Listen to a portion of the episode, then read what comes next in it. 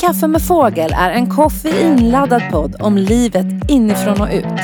Här träffar du mig och mina gäster och vi pratar om personlig utveckling, att uppfylla drömmar, mental hälsa, entreprenörskap och mycket mer. Jag som har podden heter Anna Fågel och jobbar som coach, mindfulnessinstruktör, sångerska och låtskrivare. Välkommen!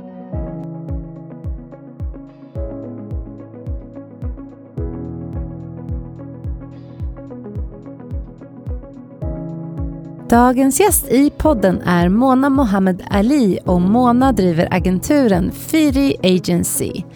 Hennes vision är att representera de underrepresenterade, speciellt då för svarta och icke-vita personer. Hon vill bredda bilden av den skandinaviska kvinnan som ju faktiskt är mycket mer än bara den blonda och blåögda kvinnan som har kablats ut i världen Mona är en person som både uppfyller sin egen dröm och eh, förändrar världen samtidigt.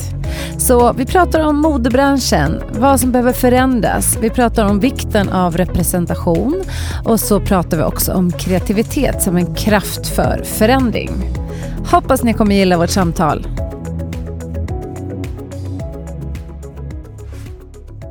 Så, då vill jag säga hej och välkommen till Mona Mohammad Ali till podden. Hallå, hallå. Så kul att ha dig här. Tack för att jag fick komma. Ja. Och vi känner ju varandra innan, så ja. jag brukar alltid liksom säga det till lyssnarna hur vi har träffats. Vi träffades i ett nätverk, ett kvinnligt ja. nätverk. Mm. Och eh, sen har vi blivit vänner och vi samarbetar lite grann. Ja. Och jag tycker det är så kul att just du är här. Nej men tack. Jätteglad att vara här. Ja. Så den här podden, den handlar ju så mycket om att uppfylla drömmar och livet inifrån och ut mm. och sådana saker. Och mm. du har ju uppfyllt en stor dröm. Ja. Som är att du har grundat en agentur som heter Fidi Agency. Ja. Och det är mycket det vi ska prata om. Så jag tänker att du får börja med att bara berätta om Firi Agency. Uh, ja, så uh, jag växte upp i uh, Skandinavien. Jag växte upp både i Sverige och i Norge. Och min dröm har alltid varit att jobba inom mode. Så jag åkte till London och under den tiden så var det, upplevde det var mycket så här diverse people och det kändes bara så ganska skönt att vara tillsammans med folk från hela världen. Uh, så när jag kom tillbaka så ville jag fortfarande jobba inom mode men jag var så här hur kan jag hitta de här personerna som jag har, som jag har samarbetat med tidigare? Kommer det här, hur kommer det här kännas? Och um, själv så har jag gjort lite modelljobb i London och jag har alltid typ velat ha en agentur. Och så fick jag alltid höra ja men du är för kort eller så här, ah, hur många följare har du på Instagram? Om du hade så här många, då kanske vi kommer ta dig. Så det var alla de här reglerna som fanns på plats. Typ, och jag tyckte att jag var jätteduktig på, på det och jag tyckte om att göra det. Det gav mig så mycket liv liksom. Och att någon annan ska bestämma om du får uppleva den här drömmen eller inte. Mm. På grund av din höjd eller något sådär. Så uh, jag ville göra en agentur som representerar alla de underrepresenterade. Mm. Uh, och med fokus på people of color. Mm. Uh, och bara att de ska känna sig trygga. Eh, så det var mer på grund av massa upplevelser som jag har haft tidigare. Um, även när jag har gått på en shoot. Då har jag antingen varit tvungen att göra mitt eget hår eller att sminken inte var rätt eller att, äh, ja, att de lägger in någonting på mitt hår som jag så här, mm. Nej men du kan bara spraya på afrohår. Det går ju inte. This gonna just break. Mm. Uh, så sådana saker. Och så läser man mycket om det. Så jag tänkte så här, hur kan jag typ skydda de här unga tjejerna eller killarna från att uppleva samma sak som jag har upplevt. Uh, så det känns skönt att vara mamma typ till yeah. 50 modeller eller barn ska jag säga. Ja, precis. Hur många modeller har du nu i agenturen? Uh, runt 50 mm. skulle jag säga. Jag har typ så här tappat räkningen nu. Ja. Men runt 50 det. Och vi har ju kontorer i Stockholm och i Köpenhamn. Mm. Um, så det känns spännande. Och det är bara så kul att se typ liksom visa fram liksom the face of Scandinavia. Och det är typ så här att när, när jag bodde i London så var det ofta typ att ingen trodde att, för att jag är svart, ingen yeah. trodde att jag var svensk Nej. eller norsk. Och de var så här, va? What this, that can be possible. Och jag bara, men gud är det så folk tänker liksom? Att det, att det finns, de bara, are there black people in Norway? Black people in Sweden? Det är ju som fortfarande bilden av Ja, svensk, den här mm. blonda, blåögda. Ja, lite mer som jag då. Ja, men, men, det är fortfarande i mig också när jag tänker Ja. så här, så här, en svensk tjej. Det poppar ju bara blond Ja. blåögd i mitt huvud också. Ja. Så, Fast så ser inte verkligheten ut. Nej exakt, jag tycker det är så mycket skönhet här. Mm. Och eh, jag vill kunna visa fram till hela världen och mina kompisar eller mina kollegor från London som jobbar inom mode typ hur många amazing people vi har här i, i Skandinavien Exakt. från olika bakgrunder. Ja. Så det är det liksom att visa the, what is the real, alltså the face of Scandinavia. Det är det också. Så grymt. Och så tänkte jag på det där du sa innan som också är viktigt. Det här Mm. vad som händer. För du har ju alltid varit väldigt noga med att det är både modellerna men faktiskt också de som jobbar bakom. Mm. Exakt. Att Mm. det finns ju en diskriminering som sker när människor inte har kunskap om liksom afrohår Mm, eller mm. olika skin tones och det kanske inte finns smink till det eller makeupartisten har inte kunskap. Exakt. Ja, och då kan kanske man kommer där ut och se värre ut än vad man gjorde innan. Liksom. Exakt, och det har jag upplevt så många. Jag har bara gått in på spe, bara, Mm. toaletten och jag bara oh my god och bara så här, jag såg bättre ut utan Ja. smink.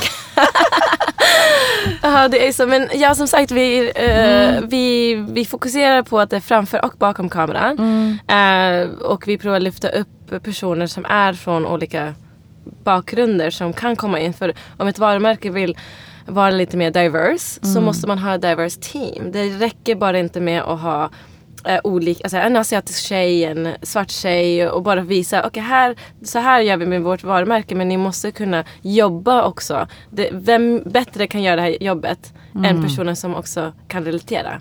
Exakt, Ehm, så för viktigt. det. Så eh, jag tycker det är jätteviktigt att man tar in folk som är rätt för jobbet. Och mycket problem har ju hänt att eh, eh, ofta så, eh, vi provar också att gå in djupare inom agenturen och ändra vissa lag. För exempel inom eh, skönhet, alltså makeup schools och eh, hårakademier.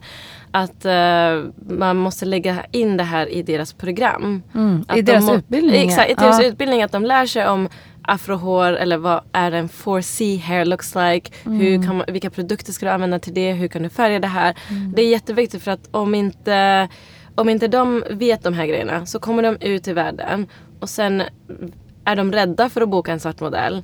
Och så vågar de inte, så det, går bara, det blir bara en evil circle. Vi kommer Just det. ingenstans med det. Så vi måste nästan Så börja man måste från börja tidigare. Ja, man måste börja skolorna. tidigare. Exakt. För Mm. att det är ju så som har hänt nu. Varför kanske eh, några modeller inte blir bokade. För att de personerna inte kan göra håret. Eller inte. Mm. Så då blir det ett extra hinder om jag Ja. ska boka en modell som jag inte kan göra håret på. Ja, exakt. Ja exakt, man blir ju rädd och man blir så här, gud Ja. jag kan inte det här så jag ska, inte, så jag ska undvika det. För Ja. du vågar, jag har ju haft så grejer, bara gud jag har inte gjort det här håret tidigare. Det, jag tror det som gjorde mig mest upprörd var att ehm, det var en kille en gång i London som eh, var så här, ofta så är det så här, we love your hair, när jag har afro. We love your hair, det ser så bra ut, vi ska inte göra någonting. Och då blir jag så här, men alla andra får ju nytt hår och ny make och jag vill känna mig typ också så här makeover. Att jag får en Verkligen, makeover. ja. Och så får jag inte det för att de Nej. bara, ditt hår ser så bra ut som det är. Ja. Och så går, så går hårstylisten upp till mig och bara tafsar lite på håret och bara så här, oh, typ så här, I don't know what, men det ser så löjligt Alltså, ut. förlåt Det att jag skrattar men Mona här- jag vill att ni ska se henne nu. Hennes, Ar- armarna går och flyger. Nej men det är ju sorg, alltså man kan Ja. skratta åt det Ja. fast det är ju faktiskt sorgligt Nej men också. det, ja, det var ju bara så här eh, hur han gjorde var så här, gud det var så här. He just went on it, typ så här. Och jag bara kollade på honom och jag bara gud. Och han bara perfect. Och så kändes det som, han, som om han hade gjort en så här, work of art. Och han var så stolt. Och men han bara rörde mitt hår och bara sprayade typ sådär lite här och där. Och jag bara men gud. Och så ska han då få de här bilderna. Och ska han lägga dem i hans portfolio. Mm. Och då, då nästa person som bokar honom kommer tycka att han kan göra afrohår. Och that's misleading. Mm. Då betyder det att han då potentiellt inte kan det här men så tar han jobb från andra personer som kan. Eh, så det är massa Så sådana vem problem. som får jobbet är otroligt, otroligt viktigt. Jätteviktigt. Ja. Jätteviktigt att man tar in rätt person. Ja. För man får bara så mycket bättre resultat. Och folk eh, måste bara våga lite. Men har ni liksom, är ni i kontakt med skolorna? Eh, Eller vem, vem försöker få in det på skolorna liksom? eh, det är någonting... Och är de villiga? Liksom, Ja, hur är jag, har deras inte, inställning? jag har inte tagit det steget helt hundra än. Jag sitter lite med planering och, och Mm. kommer diskutera det här lite med Fashion Council och, och eh, Sw- Ja. Sw- Sweden Fashion Council och få lite stöd via dem så att jag inte bara går in och så. Eh, men bara liksom att jag kan prata lite med dem och så kan vi göra lite research. Mm. Om, eller först och främst se hur, det, hur deras syllabus ser ut först också. Mm. Eh, så det är lite, så här, lite, lite längre fram. Ja. Men så snart som möjligt Mm. eh, tänker jag också. Ja men bra. Nej, men som, som du säger, det behövs Det behövs. verkligen. Ja, verkligen. Ja. Och sen det du sa innan som jag liksom tänker är ju just att jag har ju också många vänner, jag menar min bästis det är indisk och hon får heller aldrig känna att hon är svensk. Alltså hon är Mm. född i Sverige men Mm.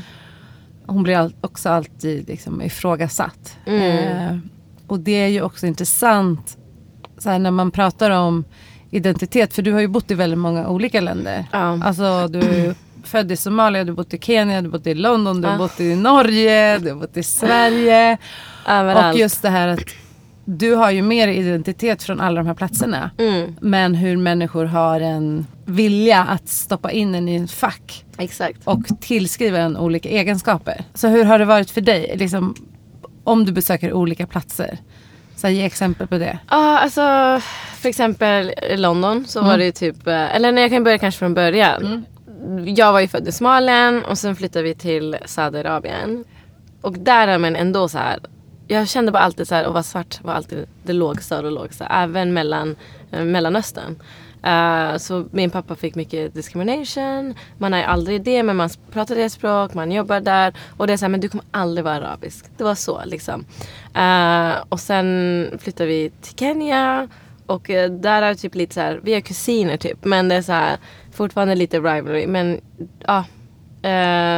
Det kändes bara alltid att man, jag tyckte alltid om att det var det var trevligt att få olika kulturer. Man lär sig så mycket, man lär känna människor, det är jättekul. Men att alla känner, jag- jag blir alltid glad om någon pratar somaliska. En, en, tänk dig en svensk person som pratar somaliska med mig. Jag hade varit så här: wow. Alltså Ja. jag är så imponerad. Jag, du- jag kommer välkomna dig till min familj och välkomna dig in till min kultur. Det är så härligt. Men att andra ska pusha ut och vara så här, neka en person rättigheten att känna sig som de gör. Det är lite konstigt. Så när vi åkte till Sverige då var det ännu mer så här, för att när jag tänker då var det så här Mellanöstern och Afrika, i alla fall man ser lite likadana ut. När man kommer då till Sverige som först och främst är jättekallt jämfört med hur det var tidigare. Så först det chocket och sen var det också chocket med att ingen såg ut som mig.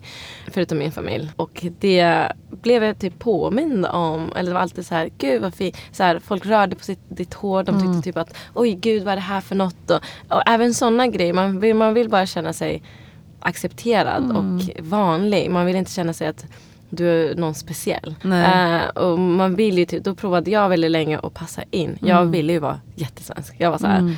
Jag ska utbilda mig, jag ska vara så här, jag ska inte typ eh, vara the stereotype. Typ att eh, jag kanske gifter mig för ung och ska sitta hemma och ha massa barn. Jag var mer så här, nej jag ska verkligen kämpa. Eh, men ändå så får man inte plats och man blir alltid så här. Det är alltid någon anledning till varför du aldrig kommer vara.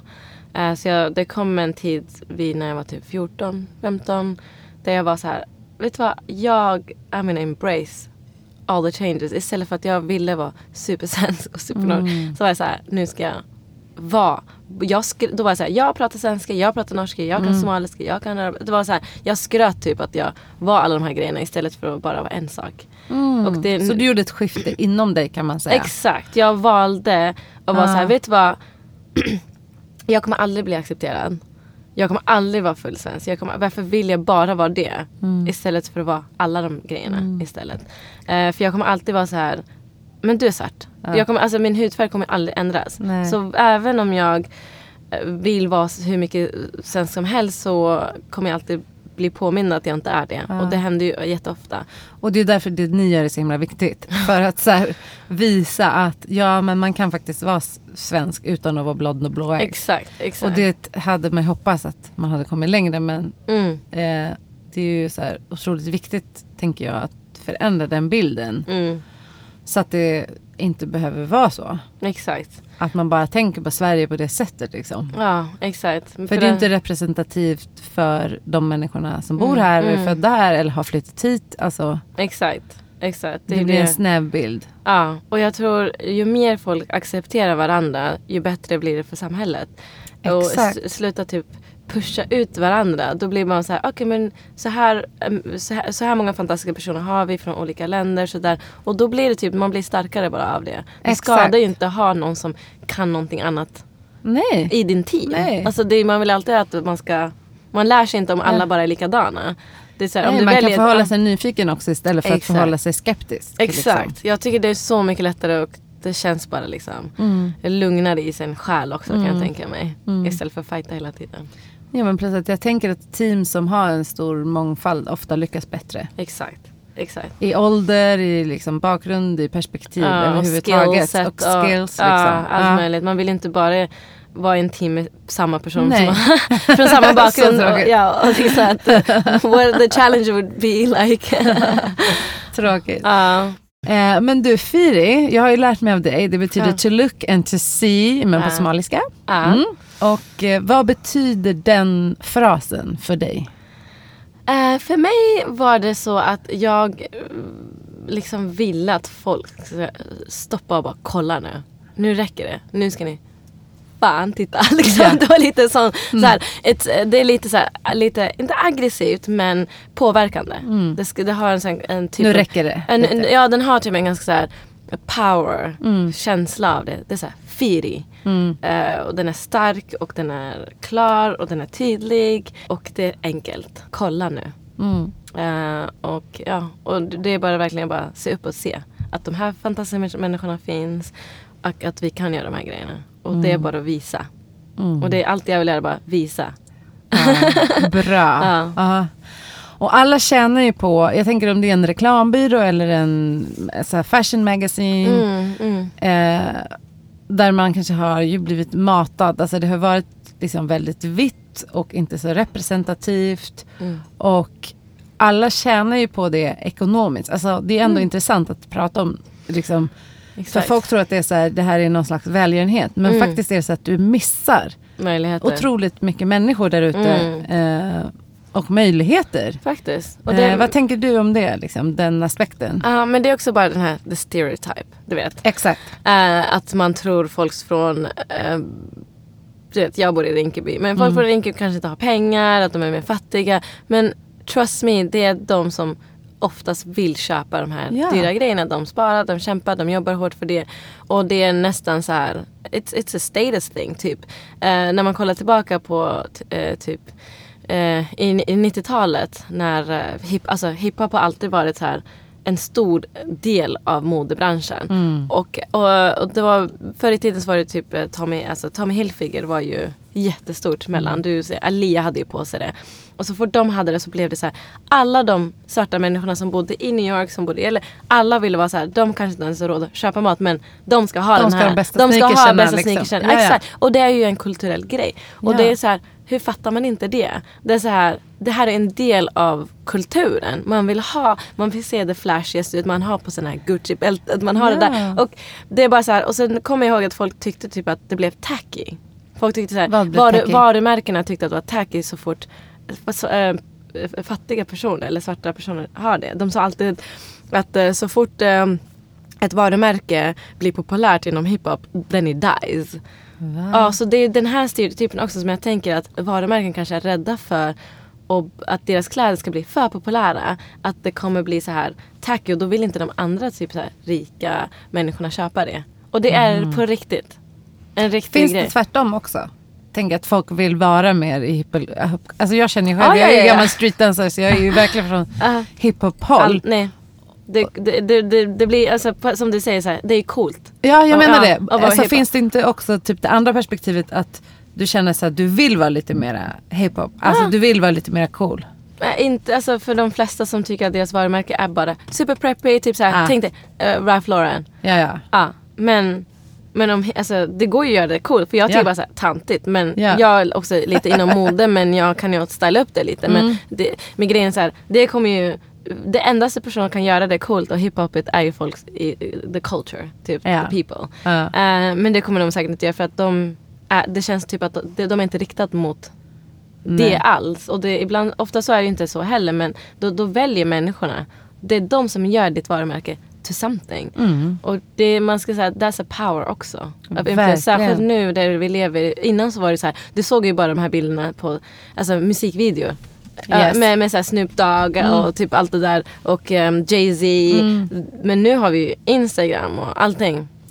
Och det är så enkelt att bara antingen dra ner ett varumärke när de inte gör det rätta.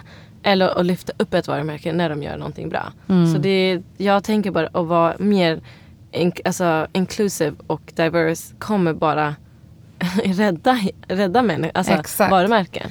Men också att titta på hela organisationen. För jag tänker att nu är det säkert många som vill vara det för show också. Ja.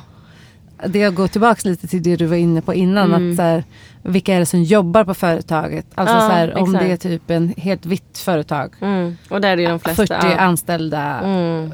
vita Wow. män. Och sen så ska vi sätta eh, lite diversity på vår reklam. Liksom. Ja, om man ska göra det då måste man ju inkludera, då ska du ta in folk från Mm. Exakt. utsidan i så fall. Ja. Eller ge dem rätta jobbet. Det Ja. går ju inte och hur, ska, hur kommer ni fatta det? Det blir bara så här, Ja. take in the right person. Mm. För det kan jag tänka mig händer mycket nu. Liksom. Eller det är ju många företag nu som också har blivit synade. Som har gått ut och sagt att vi gör det här och vi är så bra. Men. När man skrapar lite på ytan så Mm. Vilka, vilka, är det ett luftslott. Liksom. det, är, ju inte bara för de är ju rädda. Folk känner Ja. sig att det här, man ska inte vara rädd för det här. Att, att, att man tar det åt att man gör, you're making it about yourself. Ja. Och det är det som jag tycker blir så här, it's a joke. Ja. Att du ska vara så här, gud vi vill inte att folk ska säga så här om oss. Eller vi Nej. vill inte bli så här, vi vill, vi vill följa med on the wave. Typ. Mm. Men på riktigt så är det så här, bryr ni ens om the real cause Mm. här? Och då, då börjar ni inifrån och ut, inte ut och sen inifrån. Alltså, Nej. du visar inte bara att ni är diverse, ni måste börja inuti så här, ta in människor, anställ människor Mm. som kan de här sakerna. Ehm, jag vet att det finns några sådana lag i USA för exempel. Att man, i ett företag så måste man ha, you know, en diverse. Mm. Och jag tror bara att, eh, jag vet inte hur, helt hur det är här i Sverige. eh, om det finns någon viss lag. Men folk tänker, man ska inte bara vara anställd för att din hud, men man ska också ta in olika typer av människor. Så som det Mm. är så här, man ska kunna anställa på ett företag att det ska vara en, så här 50-50 nästan. Att Mm. det ska vara kvinnor och män. Mm. För exempel. Man måste också tänka lite på På olika bakgrund och olika perspektiv Ja, såklart. Exakt. Verkligen. Det är ju så viktigt för att om man, om man jobbar i en sån bransch där du talar ut till de här människorna så måste du ta in människor som också kan det här. Ja. Så det är ju typ ett skillset egentligen. Verkligen. Um, så det är bara bonus. Ja. Ja, man måste Exakt. bara se det på det positiva och inte det negativa att man ska vara rädd. Liksom. Det är så här, hur kan du göra det om dig själv? Att "Åh, nu ska vårt företag gå under eller vi är rädda. Det är ju ett dåligt sätt att tänka på. ja. Ja. Och där är återigen kan man inte förhålla sig nyfiken. Okej, Mm. nu har vi det här att jobba på. Vi har tydligen gjort det här skitdåligt. Låt oss Ja. göra det bättre. Exakt. Eh, Exakt. och på riktigt vilja Ja. göra det bättre som du sa. Så att förstå Mm. varför ska jag göra det här Mm. och varför det är viktigt. Det kommer bara benefit. Alltså Mm. det, det, det, ibland är jag bara så här, hur kan folk inte ha tänkt på det? Det var ju samma grej med när jag först började berätta till alla typ um, att jag startade Firi och att vi skulle sätta det här igång. Och då var folk så här, men gud vilken grym idé. Det är helt fantastiskt, det här behövs ju. Och då tänkte, då hade jag bott här typ i en månad. Och då var så här, okej om det här behövs och det här är så viktigt. Varför är det ingen som har gjort det tidigare? Nej. Och då känns det bara så här, för fan alltså. Ja. Men också Så folk, wow, så Ja. lyssnarna ni som hör. Mona var, har alltså bara varit i Sverige ett år Ja. nu, eller hur? Ja, faktiskt precis ett år. Och du började med Firi efter en månad att du hade varit här eller? Ja, jag blev Mm. ju bara... Jag, första grejen som chockade mig, jag har alltid velat eh, som sagt jag har jobbat inom det här, jag har utbildat det här så det här ko- kom ju så naturligt Mm. för mig. För det här är bara så här, this is my real calling. Alltså jag måste steppa in. Och jag var alltid så här, jag vill inte flytta tillbaka till Sverige tills jag visste att jag måste komma med någon förändring. Jag vill inte gå tillbaka och inte göra någonting. Och jag kände typ att i London det kändes typ inte att jag, det var någonting där för mig som jag kan göra en ändring. Men när jag kom tillbaka så var det så här, nu måste jag göra en ändring. Och eh, jag var ju såklart rädd för att gå tillbaka för att av all these trauma som jag har haft, att jag inte kände mig inkluderad. Eh, och det första grejen jag hade sett var på, eh, vi var på Lens med min kusin och då har jag en typ en foundation. Och då, jag är ju alltid så här jättenyfiken, kollar runt på allt och bilder är ju min grej. Typ så här, jag blir bara så här mesmerized med bilder. Så var det en jättestor billboard på en mörkhyad tjej. Så här, kanske typ så här. Inne på Åhléns eller Utanför, ute? Ja, utanför, bilden. Alltså Ja. bara så här skitstor. Alltså, Mm. Jag vet inte hur stor den var. Så här, eh, fyra meter gånger fyra Mm. meter. Typ så här, jättestor. Jag var så här wow this is so cool. Typ. Eh, och då ville jag, jag bara gud. Ja det här är ju foundation jag berättade om. Ska vi gå in och kolla? Och då tänkte, då var den här modellen typ 6-7 shades darker than me. Eh, då går jag in och sen ser vi, då kommer vi in till eh, den här, då var det klinik och då jag bara, men gud det var bara 25 shades of beige. De hade inte De den. hade inte det. Och då var jag så här, gud, det, jag blev bara så här, gud det här, det här är problemet jag var rädd för. Det här är det som kommer drive me nuts. Ja. och flytta tillbaka för att det är bara så här. Och då var jag så här, Är det skillnad i London då? Absolut. Där har de Ja, med- ja, ja. Eh, absolut, mycket bättre i alla fall Mm. ska jag säga. Eh, vi har ju afro hair shops liksom överallt. Man kan gå in och köpa Ja. vad som helst. Eh, men och då för mig det som var upprörd är att jag såg den här stora bilden bara utanför. Och så går jag, då väljer jag som kund att gå in. Så Mm. du har, du, då, då har du fått mig in i butiken. Och då har ni inte produkten. Först och främst så mådde jag skit. Mm. Jag kände mig så här, vad var det här för något? Jag var ju så excited att köpa den här nu. Men nu kan vi inte. Och du skulle, nu förlorar de två kunder. Ja.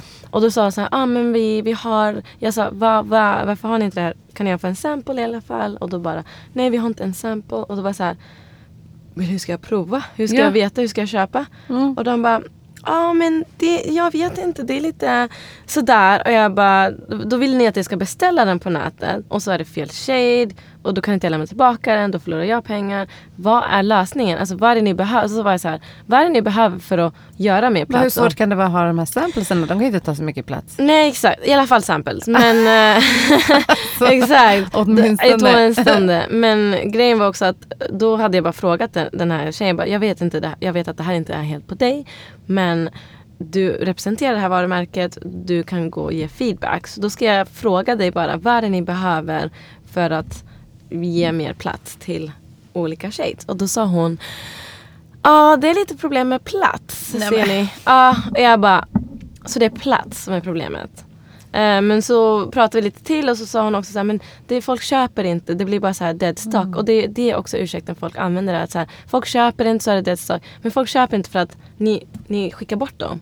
Så nästan, jag har inte gått tillbaka dit på klinik för att Därför kolla. att det finns inget att köpa. Men också så här, om ni har tagit in det efter så vet Ja. jag, så då har jag det här i bakhuvudet att ni inte har det. Så det, igen, det är så här, ett Det evil circle igen. onda cirkeln, onda precis. cirkeln på att ingen köper så köper vi inte in. Nej. Men ingen köper inte för att du inte har dem. Så det är så här, where do we start? Ja. Eh, vi börjar med att ni tar in dem. Du måste börja med att mark- produkterna ja, finns. Produkterna finns, ni gör bra marknadsföring, Ja. ni når ut till personerna. Mm. Det, är, det gör jobbet, Mm. helt enkelt. ja, men så sjukt. Ja. Men ja, men det är precis det där. Jag har pengar att sp- spendera, det är så här, du Ja. vet ju inte det. Nej. Ja. Så det är det. Ja. Så det finns mycket att göra där. Det finns särskilt i skönhetsbranschen. Ja. Det är ju så här, jag växte upp utan att se någon representation. Jag det roligaste var ju det här. Det här minnet, alltså jag, jag var typ så här, tonåring, precis typ Mm. 14, 15. Och då var så här, ville typ bara ha smink för då hade alla tjejerna börjat ha smink. Och då var så här, jag vill också sminka mig. Jag vill också se ut som en docka, du vet så här, full cover foundation. som man vill när man är så liten. Ja. Man vill bara så här, även om man har jättefin hud, Ja. man vill bara cover it up. Ja. Eh, eller man har finnar eller who knows. Ehm, och då var det en liten butik i Norge där jag växte upp. Och då var jag så här, gick förbi och då såg jag en bild. På Beyoncé. Då hade Beyoncé gjort någonting med L'Oreal. Och den här känslan, jag bara stoppade utanför butiken. Jag bara oh my god. Nu har de, nu har de äntligen tagit en produkt till mig. Och jag bara springer in. Och det var så här, inte en endaste. Nej. Inte ens en. Jag var så här, jag har lite, li, kanske likadan hud som, så här, färg som Beyoncé. Det borde finnas i alla fall. Om du ska ha en svart modell som alltså en advertisement så ska du i alla fall ha. Och det fanns ju inte. Och jag kommer ihåg att jag började använda eh, typ en Isa- Isadora bronzer. eh, som en, och det var inte för mig. Det Nej. var ju för unga tjejer som vill vara jättebruna. Och Ja. de vill ha, jag använde den över hela mitt ansikte Mm. för att få coverage. Och det var det endaste jag kunde köpa. Eh, så jag hade inte foundation tills jag var i London faktiskt. Ja. Och sen att man inte ser, som du sa, att man inte ser. Mm. För att jag tänker att modebranschen och liksom alltså alla de här damtidningar och veckotidningar och allting som vi mö, mm, liksom matas med Mm. från att vi är små. Mhm. Där vi hela tiden ser bilder på kvinnor. Mm, Och exakt. om det är kvinnokroppar eller utseenden så blir vi otroligt eh, påverkade. Mm. Och jag tänker just det där att aldrig se någon som liksom representerar sig själv. Mm. Det du ser, det är ju de Möjligheter. möjligheterna du tror finns Ja. för dig. Exakt. Kan du känna igen dig i 100, det? ja, 100 procent. Ja. Det är så viktigt att se representation. Ja. Det är så här... eh, om man inte ser så vet man inte att det finns. Typ. Nej, exakt. Eh, att det inte är möjligt. Och jag tycker representation är verkligen eh, framtiden. Bara Ja. att man ska kunna se. För då tänkte som du sa, en svart president Mm. USA, det har gett unga män möjligheter att plugga och vilja bli Mm. som en, den här presidenten. Innan så fanns det typ inte det. Nej. Då tänker jag så här, jag kommer aldrig få det där. Ja. Så då är det ju kanske inget There's no point of thinking even about Precis. it. Ja. det, är så här, det hade ju varit en galen tanke så här. I wanna be a president one day of the United Ja. States. Tänk dig så här, folk bara okej sit back down. typ så tar det Vad är det för fel på det? Ja exakt. Um, det var mycket så för kvinnor också kan jag tänka mig. Mm. Back in the days. Det var så här, hur kan en kvinna typ spela fotboll eller basketboll? Ja, eller bara se musikbranschen som Ja. ett exempel. Att liksom, här i Sverige har vi ju Popkollo. mm, Jag vet inte om det finns liknande i, England men känner du till Popkollo? nej. Nej. De gör ju liksom olika musikläger för unga tjejer. Mm. För tjejer bara, alltså typ Mm. spela i band och sådana Ah, saker. nice. För att det är ju Ja. också så underrepresenterat. Typ. Mm, mm. Kvinnor är ofta typ kanske sångerskan i ett band. Ja, men exakt. aldrig trummisen. Nej exakt. Du vet. ja exakt. Men det är den här bilden man har. Ja, så den här bilden av att om jag är liten, eh, när jag var liten ville jag Mm. trumma. Mm. Men jag såg ingen tjej som trummade så då valde jag piano. Ja. Eh, men nu om man hade sett eh, Ja. Vilka möjligheter man missar bara Ja, på exakt. grund av något sådär. det är Eh, jättesjukt. Ja, för att man inte har sett liksom, någon som gör det innan. Så det är Exakt. så otro- otroligt viktigt med den representationen som ni ju Mm. står för. Absolut. Jag hoppas ju. Jag har, får ju redan massa så DMs på Instagram och typ så här. Mm. Gud det du gör är så bra. Och typ så här, man, man ser inte det så ofta. Och bara så här. Den känslan. Like, det är bara värt allt Ja. det här jo- jobbet jag har gjort i flera år. Ja. Känns bara finally it's worth it. Eh, och det var typ också en modell som var hon är från Iran. Hon var, var på en shoot och då hade de valt fem tjejer som är people of color. Och då skrev hon till mig. Hon bara Mona, vet du, kan du fatta att det här är revolutionary? Hon bara, i Sverige Mm. så ha- har det aldrig funnits att det finns så många tjejer bara på en bild. Bara så här, the power in that room. Och hon bara kände sig så här att hon var en- del av att göra någon förändring. Ja. Hon bara, fattar du? Alltså, och så ser en liten tjej typ så här, åh gud, this is a sisterhood. Och det här känns som att man ska skapa någonting eh, fint som Ja. påverkar folk positivt ja, också. Och det gör du verkligen. Tack. Och för kommande generationer också tänker Jag jag. hoppas. hoppas. Unga tjejer nu. Ja. För jag tänker väldigt mycket på så här, unga tjejer nu med Instagram och Mm. alla perfekta bilder. Alltså så här, Mm. att de matas med ännu mer intryck Ja, än vad vi gjorde när vi var små. Exakt. För social media. exakt. Och det ju, har ju ökat till exempel ätstörningar. Mhm. Alltså det är jättemycket saker som har ökat i och med det. Exakt. Så allt som kan liksom ge någonting annat. Eh, än bara den stereotypa, en perfekt. För det handlar ju också om det som du sa. Ja, Måste man vara liksom jättelång för att vara modell? exakt. För det finns Måste man vara jättesmal? alltså, eller kan det vara en annan typ av kropp? Liksom? Exakt. Mm. Men man säljer ju en idé Mm. eh, som känns omöjligt. Mm. Alltså funkade kanske back in the days men Mm. nu känns det så här, nej folk vill ha mer nu. Folk vill Mm. ha, eh, vi är bara mer demanding som Ja. eh, människor Som konsumenter. Ja, ja, Which is good, Ja faktiskt. faktiskt. Det, Mm. det är det. Så man måste verkligen passa på att det finns till alla. Ja. Ja, Att vi alla Ja. är inkluderade i samhället. Det är det viktigaste tycker Mm. jag. Wow. Men sen det som är så härligt med dig är ju att du har ju också så här, alltid varit inne på det här med design och kreativitet och mode. Eh, både din egen stil och liksom hur du tänker kring det kreativa. Mm. Så berätta, hur började ditt intresse för kläder?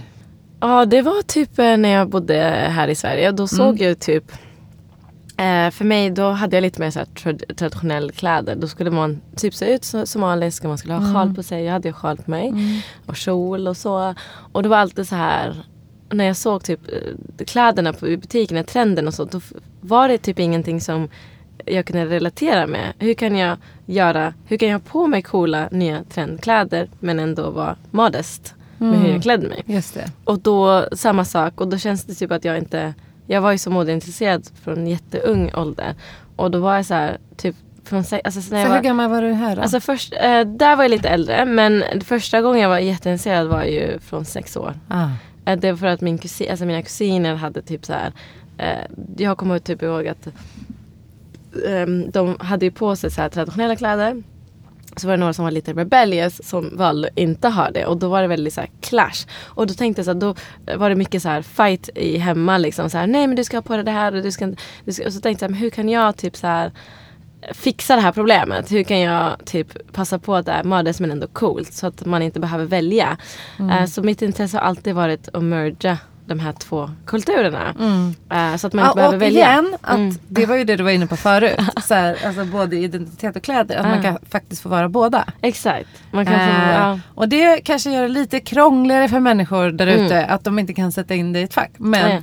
Att ändå liksom ha rätten för att få vara båda två. Exakt. Och inte välja. Nej. Eh, och jag kände ofta så här, eh, ska jag välja Ska jag respektera typ uh, min familjen och vad de tycker eller ska jag eh, lyssna på mina kl- klasskamrater? För det var ofta så här att jag inte fick eh, när jag gick hemifrån så hade jag på mig sjalen och typ så här, tog av mig det bara för att bli accepterad. Ja. Men i, länge, länge innan det var det ju typ att folk bara "Ah, har du något hår under sjalen? Eller uh, gud fula kläder. Det var alltid så här och jag bara gud att jag, jag kan ju se bra ut. Jag kan ju se bättre ut. Men jag vill inte vara så här discrimin- alltså, eh, disrespect familjen. Eller så, här, så jag kände mig alltid fast Ah. i vem jag kunde vara. Mm. Eh, jag tror tills eh, jag flyttade till London. Mm. Men det började ju väldigt ungt också från Somalien att jag var så här. Jag vill ändra eh, hur somaliska folk klär sig. Jag vill ändra, eller jag vill växa bara. Develop. Det var ju aldrig så här ändra eller byta ut eller ta bort. Det var ofta så här, hur kan vi utveckla Mm. kläderna? Så var alltid så här, utveckla, komma upp med tiden. Mm. Eh, och inte känna sig tillbaka bara. Eh, det var det Precis, så som... Mm, kläder som, alltså, och kreativitet som någonting för större förändring ändå. exakt. Exakt. Eller det var ju det, exakt.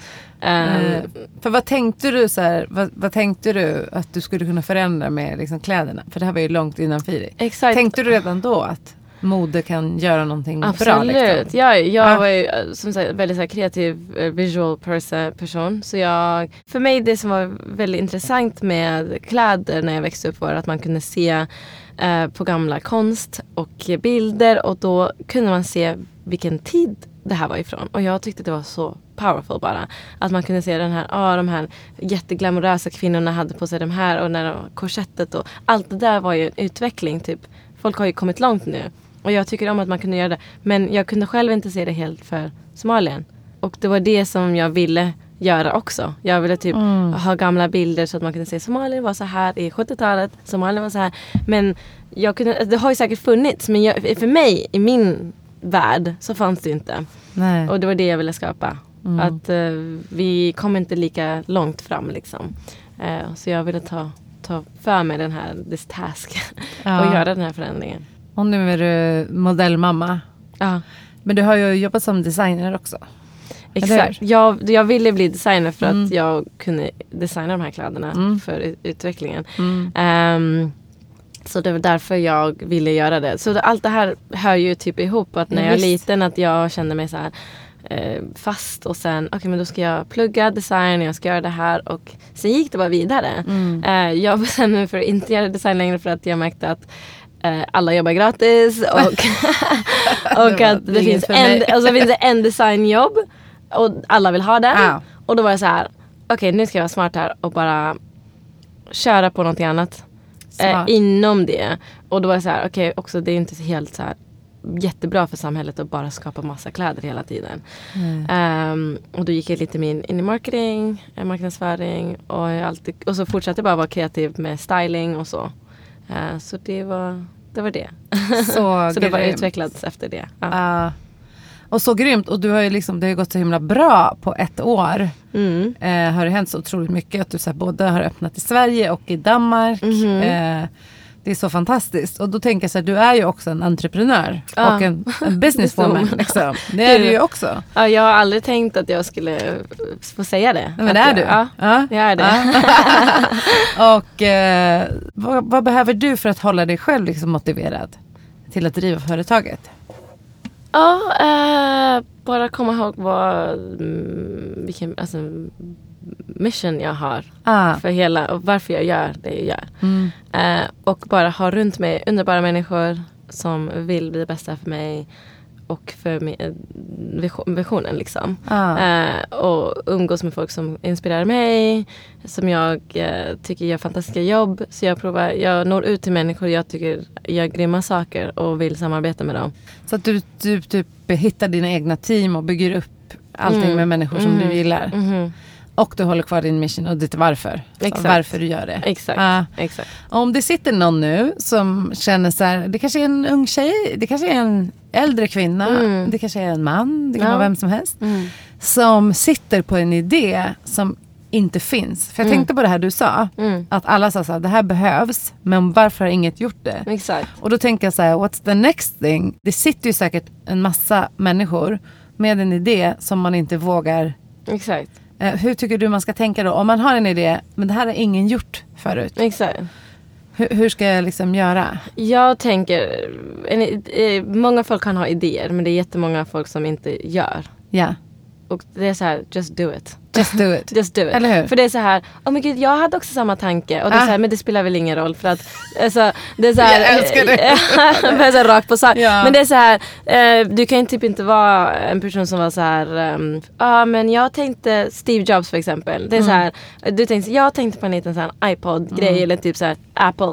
Och men, men det var inte du som gjorde det. Nej, exakt. Även om du hade idén så är det fortfarande någon som gick Ja. och gjorde det. Och Ja. det är det så här, du måste bara göra det. Svinbra tips. Mm. Och typ nästan sista ordet för Mm. podden idag. Mm. Men alltså det är ett sånt bra tips just för att det sitter ju, det räcker inte att ha en idé. Du måste också göra någonting av den om du vill att det verkligen ska bli någonting. Ja, liksom. Exakt, och det tar tid. Och det tar tid. Och det tar eh, motivation och det, det är svårt. Ja, Men det är värt det. ja. Så eh, ge inte upp.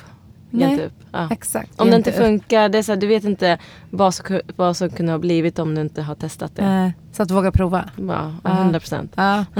Men du Mona, är det någonting som du vill eh, skicka vidare till lyssnarna?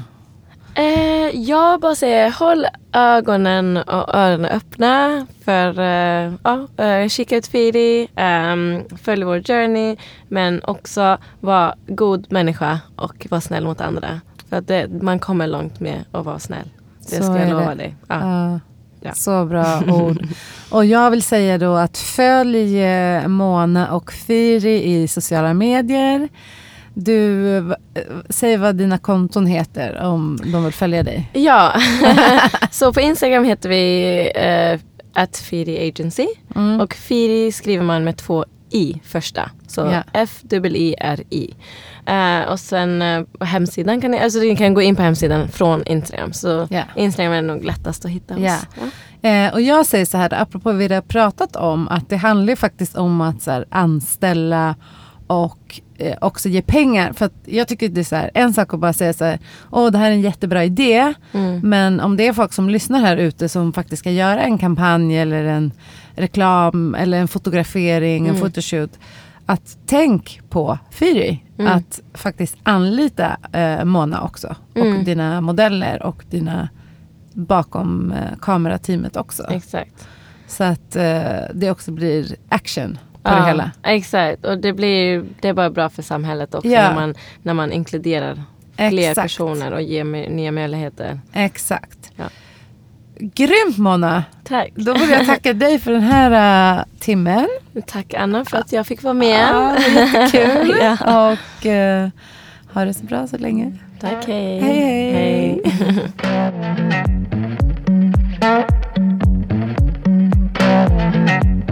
En kaffe med fågel är inspelad, klippt och producerad av mig, Anna Fågel. Följ gärna podden på Instagram, at en kaffe med fågel. Vill du komma i kontakt med mig för kurser, coaching eller andra samarbeten? Kontakta gärna mig på www.byannafogel.se anna.byannafogel.se eller gå in på Facebook med samma namn. Ha det fint! Tack för att du lyssnade. Hej då!